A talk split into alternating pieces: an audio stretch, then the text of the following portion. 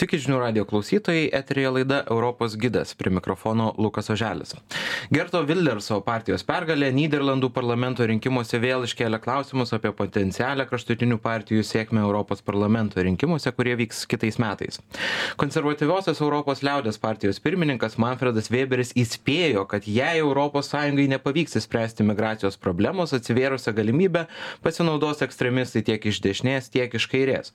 Šį įspėjimą galima grįsti skaičiais vokietijoje ir prancūzijoje kraštutinių e, partijų populiarumas auga. Spalį darytos apklausos rodo jog vokietijos kraštutinės dešinės partija alternatyva vokietijai turi penktadalį visų rinkėjų palaikymo be to šioje valstybėje kuriasi ir nauja radikalios kairės partijoje partija.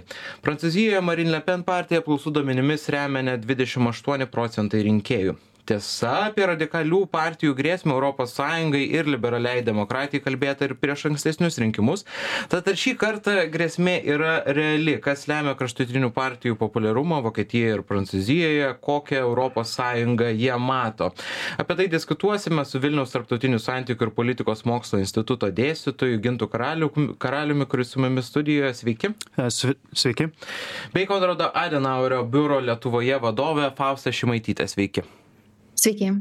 Tai e, pradėkime nuo, nuo Vokietijos. Pone Šimaitytė, alternatyva Vokietijai šiuo metu yra antra populiariausia partija Vokietijoje. Metų pradžioje jos populiarumas, kiek teko matyti, siekia 15 procentų, dabar jau yra apie 22. Kas, kas lėmė tokį partijos populiarumą? Ar tai susiję labiau su vidaus politika ar kažkokiais išoriniais veiksniais? Kaip, kaip apskritai ši partija apeliuoja į rinkėjus? Taip kas trečias vokietis šiuo metu balsuotų už kraštutinę partiją. Ar tai būtų kairės kraštutinis naujasis judėjimas ar dešinės afd todėl politinis berlynas jaučia kad vokietija jau yra pasiekusi istorinį lūžio tašką. Daug daugelyje šalių tokios partijos turi senas tradicijas jos susikūrė dar po antro pasaulinio karo tačiau vokietijoj situacija yra kitokia čia nacionalistinės grupės tik epizodiškai sulaukdavo sėkmės. Taigi vokietijos politikai neturi patirties ir vis dar svarsto kaip elgtis su tokia partija. Tai dešimtmetį afd buvo ignoruojama ir marginalizuojama bet dabar tokia izoliacinė politika nebeveikia anksčiau buvusi daugiau rytų vokietijos partija šiuo metu afd pozicijas sustiprino visoje šalyse visoje šalyje ir netgi e, tokiose žemėse kaip bavarija. Turbūt rekordinį populiarumą pirmiausiai lemia didelis nepasitenkinimas dabartinės vyriausybės darbu. Tai silpni ministrai techninės klaidos vyriausybės veiksmuose prasta komunikacija valios ir sprendimų priėmimo trūkumas visa tai lemia piliečių nepasitenkinimą. Ir tai turbūt geriausiai iliustruoja kanclerio populiarumo kritimas net į septynioliktą vietą. Tai atsargiai teigsiu kad toks kanclerio didelis nepopuliarumas neturi precedento pokarinėje vokietijos istorijoje. Todėl nenuostabu kad net keturiasdešim vienas procentas gyventojų pasisako už pirmalaikius rinkimus o tarp jų absoliuti dauguma yra afd šalininkai. Giluminės radikalų populiarumo šaknys glūdi. Turbūt tame kad vokietijos dalis gyventojų mano jog politikoje vyrauja nuomonių kartelis arba nuomonės po monopolis. Gyventojams trūksta daugiau pasirinkimo. Na ir reikia pripažinti kad politkorektiškumas neretai užgožia diskusijas. A tuo tarpu dauguma vokiečių nerimauja ir naujoje apklausoje net septyniasdešim septyni vo procentai vokiečių yra gana susirūpinę dėl padėties vokietijoje. Taigi afd atliepė ir retoriškai pastiprina gyventojų baimes pasak afd vyriausybė išpučia valstybę kad šioje dirbti nebeapsimoka vokietija labiau panašėja į besivystančią šalį. Na dėl tokių pareiškimų afd yra vadinama blogos nuotaikos partija bet gyventojai balsuoja už ją ir dėl mokesčių politikos ir dėl nepasitenkinimo naujais energetikos įstatymais. Bet labiausiai rūpima tema yra žinoma migracija. Ir tradicinės partijos deja nesugebėjo suformuoti politikos kurioj būtų aiškiai atskirta pageidaujama ir nepageidaujama migracija. Na kitaip tariant afd yra ne tik protesto partija bet rinkėjams suteikia realią e, programinę alternatyvą man neteko skaityti e, straipsnių, kad na, tos e, centro partijos, tos vadinamos galbūt mainstreaminės partijos, jos kažkaip, na, bandė uždrausti AFD, buvo kažkokių tokių kalbų, kad per daug radikalu, bet vis dėlto aš kaip suprantu, na, tai turbūt nėra pats geriausias atsakymas į, į tokią, tokią populiarią partiją taip beveik visos kitos partijos išskirtinai skelbia kad afd yra demokratijos priešais ir su kuriais nereikėtų bendradarbiauti. Ir vieni reikalauja uždrausti partiją kadangi akivaizdu kad vien tik politiniais metodais jų atsikratyti negali. Tačiau kita vertus draudimas būtų rizikingas.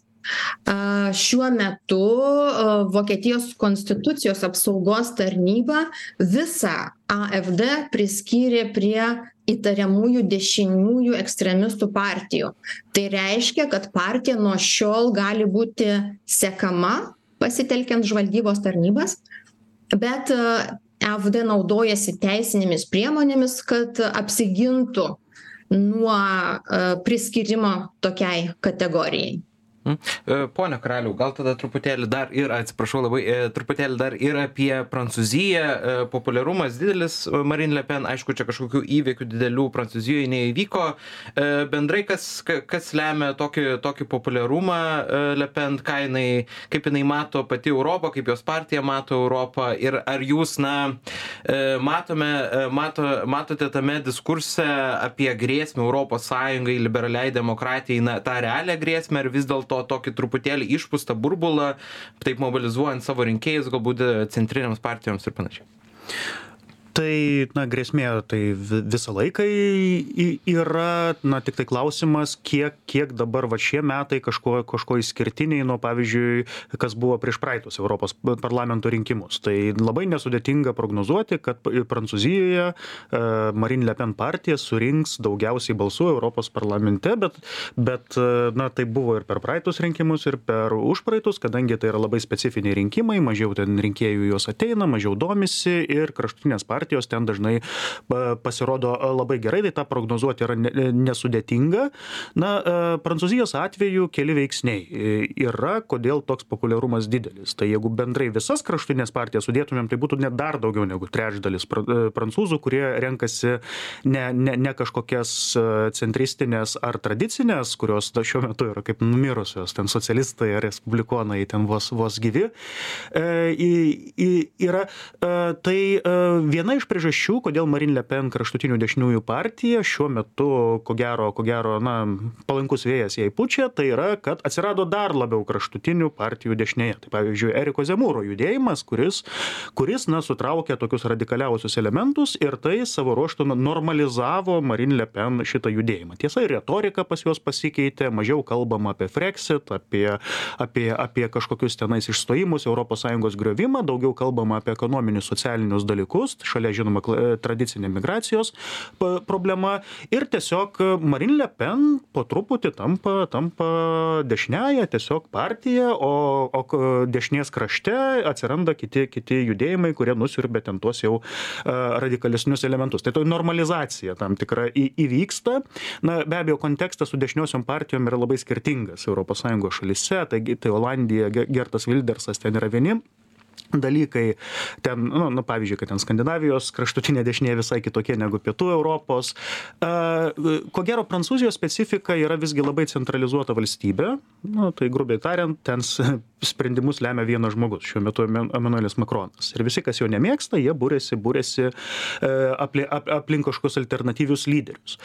Nuo 17 metų, kas yra labai ten pastebima, šiek tiek užsiminiau, yra tradicinių partijų, na, nu, krizė tai krizė, bet jau galima sakyti iš vis gal jau net pabaiga. Jos yra, jos yra turiu, turiu galvoj partijas, kurios te, nuo, nu, nuo pokario laikų turėjo stabilų elektoratą, klasinis balsavimas, na, jos iš esmės dabar, dabar netekusios yra savo tapatybės ir prancūzijos rinkėjai būrėsi apie lyderius, tokias skėtinės organizacijos, kažkur centras, tai Makronas, kur ten didelė amalgama įvairiausių judėjimų, žalieji, ten, ten, ten, ten dalis, dalis ir dešiniųjų yra, lygiai taip pat yra kraštutiniai kairiai ir dešiniai. Tai yra tokie, na, personalizuoti judėjimai, kurie neturi labai stabilaus elektorato, kurį galėtum prognozuoti ir kurie daugiausiai, na, vienijasi apie e, charizmatišką lyderį, kuris dažniausiai, na, jeigu yra opozicijoje, tai tai, tai oponuoja uh, valdžiai.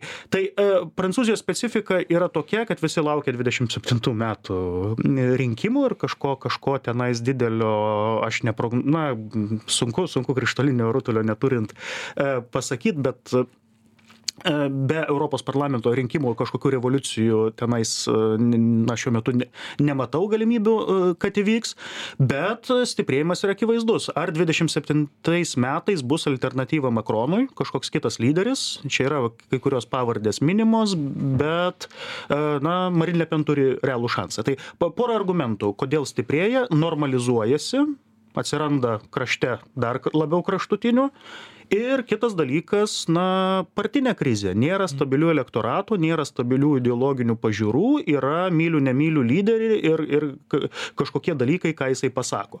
Ir e, nu tas klausimas jūsų apie apie retoriką ką ten le pen ar kiti pasako nepasako ten labai dažnai keičiasi ta retorika. Tai bu tai freksit tai nebe freksit tai aš to nesakiau.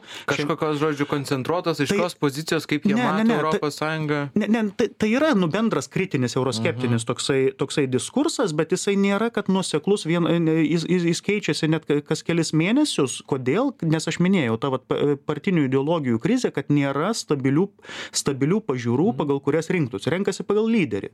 Jis kažką pasako persigalvoja bet bendrai man jis patinka. Jo tonas dėl to dėl to aš kaip rinkėjas už jį balsuoju. Ir tai yra va didelė problema ir tai yra ne tik kraštutinių partijų problema tai yra tas pats ir centre. Vat makronas pas jį irgi pažiūros ten ten keičiasi ir ir nu kas jį remia nu man bendrai žodžiu žodžiu arba patinka arba jis bent jau atrodo geriau negu kiti. Tai yra tokia personalizacija va šitų pažiūrų ir dėl to na atsakyti klausimą ką ten pasakė ką ar ar čia jie rimtai ketina tą įgyvendinti. Nu be abejo ten dalis dalis jų jų jų retorikos atrodo neįgyvendinama. Išvarysim migrantus. Nu kur kur išvarysi? Kas priims? Kur tu juos ten veši? Ten ten kaip kaip e, nežinau į vandenyną versi ten ten nu čia atsiprašau už už už už už juodą humorą bet bet nu tai yra nerealistiniai tokie to, to, tokie, tokie e, pasakymai, bet, bet visgi, visgi, e, kadangi situacija yra tokia, kad nu, stabilių tų, tų, tų, tų e, ideologijų kaip ir, e, kaip ir nėra. Tai ir bendrai čia, net, net nukrypstant nuo Prancūzijos, tokia jaučiasi laukimo būsena. Kažkokie toks, vat, kaip interregnum e, tarpuvaldžio te, terminas anksčiau būdavo naudojamas, ten, ten laukiam, kas Amerikoje bus, kokią madą užduos pasauliui rinkimai, ten Trumpas, ne. Tai toks, toks neiškumas kartu, ne? Tai neiškumas. Ir va tas neiškumas, ma, mano supratimu, yra labai palankus va tie tiem tokiem kraštutiniam judėjimam kai visi neryžtingai laukia kas bus laukia kažkokio vėjo ir ir tada tie tie judėjimai su paprastais atsakymais nu tą uždrausim tą išvarysim tą tenais e, sugriausim jie tada sulaukia daug didesnio populiarumo ypatingai žmonių kur šiaip nesidomi politika neina į rinkimus. Tai tai man atrodo tokia kombinacija yra faktorių kurie daro daro šitą kraštutinės dešinės kilimą tarkim ir prancūzijoj ir kitur. Na tokiu gal kažkiek labiau grėsmingų negu, negu, negu prieš penkerius metus. Mhm. E, e, pone Šimaityte, e, ką, kokių panašumų galbūt tarp Vokietijos ir Prancūzijos čia galėtumėte atrasti? Norėčiau vat, paklausti dėl to normalizavimo, kiek AFD yra, yra normalizuojama ir dar truputėlį apie, apie jos požiūrį, apie jos požiūrį į, į ES, kaip jinai mato, ar ten yra kažkokių kalbų apie išstojimą iš, į, iš ES ir panašiai. Mhm. Tai tęsiant pokalbį apie prancūziją vokietijoje yra atvirkščiai afd yra renkama ne dėl lyderių kurie nėra itin populiarūs bet dėl idėjų ir kalbant apie europos sąjungą tai afd susikūrimo pagrindas buvo europos skepticizmas. Anksčiau afd siekė išformuoti europos sąjungą ar bent jau iš jos išstoti. Dabar afd pasisako už buvimą europos sąjungoj dėl to kad išstojimas tiesiog nėra populiarus tarp rinkėjų.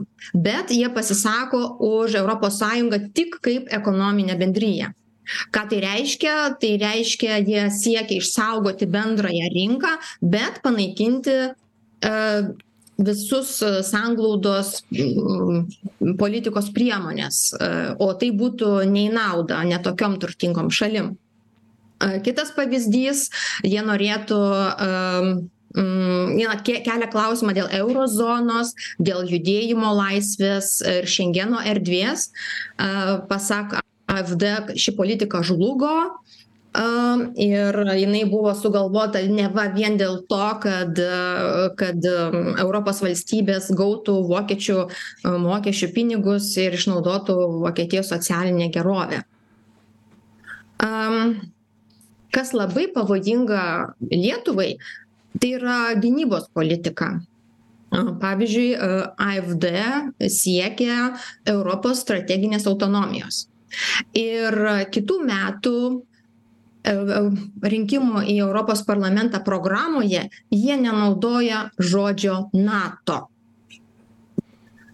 Tai, tai reiškia, kad jie yra labai antiamerikietiška partija ir ir tuo skiriasi nuo kitų galbūt populistinių partijų pavyzdžiui švedijoj suomijoj ar italijoj ir tai yra susiję taip pat su parama ukrainoje. Nes italijos ministrė pirmininkė meloni tarkim aiškiai stoja ukrainos pusėn tačiau afd vis dar ir po invazijos palaiko rusijos pusę Norėčiau dar perklausti dėl tos strateginės mm. autonomijos, nes šita pati savoka, kurią naudoja Makronas, kaip alternatyva Vokietijai ją supranta, e, koks mm. jis požiūris? AFD pasisako už stiprų bundesverą su gera ginkluote, bet su išlyga, kad bundesveras atitiktų Vokietijos interesus. Tai reiškia, kad jie pritartų misijoms už vokietijos ribų tik griežtomis sąlygomis ir išimtinai atitinkant vokietijos interesams. Ką tai reiškia? Pagal afd vokietijos interesas yra geri santykiai su rusija ir antiamerikanizmas. Ir tas pats su saros vagenknecht partija. E, ji jau pareiškė oficialiai kad jos programinis punktas yra nebedalyvauti nato misijose. Tai reiškias jeigu laimėtų jos partija ji tikrai atšauktų sprendimą dėl Vokietijos brigados dislokavimo Lietuvoje. Hmm. E, jums tada klausimas. E, e, jums tada klausimas dėl strateginės autonomijos irgi kaip Prancūzija šitą žiūri, nes čia dažnai vartojama savoka pačio Makrono, kur čia matote panašumų skirtumų? Uh, Na, aš tiesą sakius, nu, nustebau, labai įdomu, mhm. ar FD tiksliai tokią savoką naudoja strateginę autonomiją, nes tai nėra Prancūzijoje, na, kraštutinių partijų retorika, tai yra mhm. būtent iš Makrono. Makrono, na, ta savoka yra senesnė, bet Makronas ją padarė. Padarė čia turbūt Makronas, kad kalba apie Europą, aš kaip suprantu, ką ponė Šimaitytė kalba, kad čia mes kalbam tik apie Vokietijos kažkokią tai strateginę mhm. autonomiją, mhm. ne? Tai man, man, ir, man, man ir įdomu, ar, ar, ar turime galvoje FD apie Europos strateginę ar apie Vokietijos strateginę? strateginę autonomiją pasitikslinimui? E, pone Šimaitytė, Vokietijos čia strateginė autonomija? Na, pirmiausiai, Vokietija žiūri savo interesų ir pirmiausiai apie, eina kalba apie Vokietijos autonomiją. Taip Aha. Na taip, nes Makronas tai apie Europos strateginę mhm. autonomiją kalba, ne, tai, tai, ne tiek apie Prancūzijos, tai, na, tai idėja yra, tai sunkiai apibrėžima savoka, bet bendrai, kad e, Europo, Europa neturėtų būti pereinamojų kiemų ar turgaus aikštelės svetimoms jėgoms. Tai Kinijos, taip, taip pat Amerikos, kitų, kitų šalių, na, firmų kažkokia, kažkokia e, rinka. Ir idėja yra kaip technologiškai, ekonomiškai, karinė prasme e, būti, būti Europai e, nepriklausomi, gebėti veikti tenais be, be kažkokio e, nu, priklausomybės nuo e, išorės. Tai, tai tokia yra plati vizija, jinai labai modifikuojasi priklausomai nuo aktualijų ir migracijos klausimai, ir sveikatos klausimai per COVID buvo įtraukti, mes turim ir medicininė prasme būti autonomiški nuo tas kaukės, ten, ten, ten, ten skiepus pasigaminti. Tai yra plati tokia idėja, kurios mintis, kad tiesiog Europa turi būti atskiras nuo geopolitinių žaidėjas ir negali būti visiškai priklausomi tame tarp ir nuo Junktinių Amerikos valstijų kurie ir šitą čia Makrono retorikoje, bet, bet nu, tai nėra kraštutinių partijų naudojama savoka. Tai yra tokia oficiali valdžios daugiau, daugiau uh, idėja, kaip, kaip prancūzi, suprancūzinti dabartinę Europos Sąjungą. Tokia, tokia, tokia vizija. Ačiū Jums labai išskirtą laiką. Laidoje dalyvavo Vilnius tarptautinių santykių ir politikos mokslo instituto dėstytojas Gintas Karalius bei Konrado Adenauerio biuro Lietuvoje vadovė Fausta Šimaitytė. Aš Lukas Oželis su Jumis atsisveikinu, likite su žinių radiju.